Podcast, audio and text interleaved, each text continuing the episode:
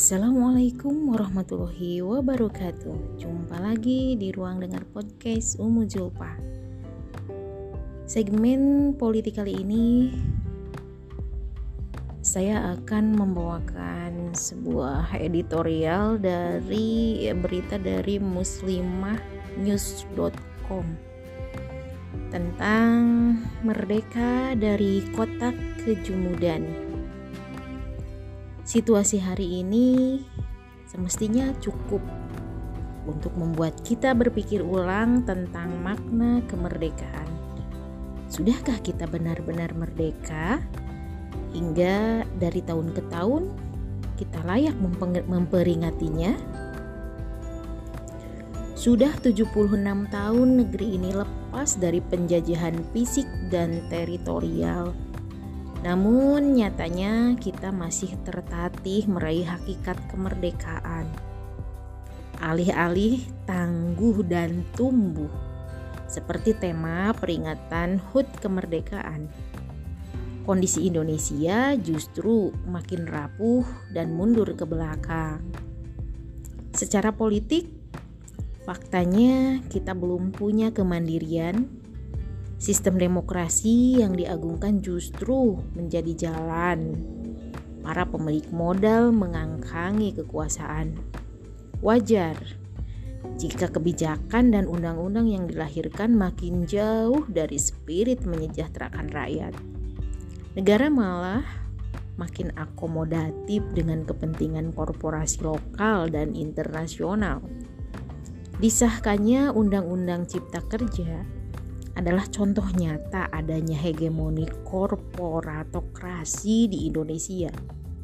Karena undang-undang ini nyata-nyata pro pemilik modal dan mengandung spirit Indonesia obral. Adapun dalam skala global, situasinya pun demikian.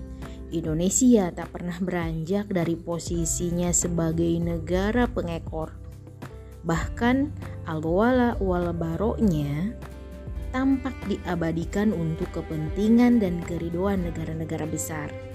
Wajar jika dikatakan Indonesia memang sudah merdeka dari penjajah Belanda.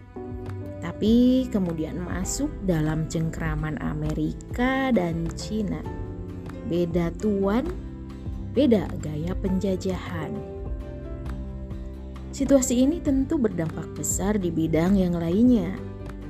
Di bidang ekonomi, dari masa ke masa Indonesia makin tak berdaya menghadapi rejim liberalisasi pasar dan intervestasi asing. Wajar pula jika akhirnya negeri yang sejatinya super kaya ini tenggelam dalam kubangan utang riba dan konsekuensinya kekayaan dan kedaulatan negara tergadaikan juga. Ironisnya, penguasa selalu berdalih. Semua masih dalam kontrol mereka, lalu menutupi kelemahannya dengan bermain angka-angka. Terakhir ini aja, ekonomi diklaim terus bertumbuh hingga 7% lebih pula. Padahal faktanya kehidupan rakyat makin susah dan kemiskinan pun makin merata.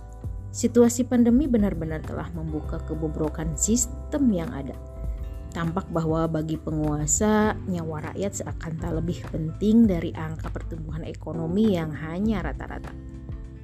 Maka saat semestinya mengambil langkah-langkah pencegahan, mereka justru sibuk melakukan penyangkalan. Saat semestinya menutup pintu-pintu wilayahnya, mereka malah sibuk melakukan upacara selamat datang.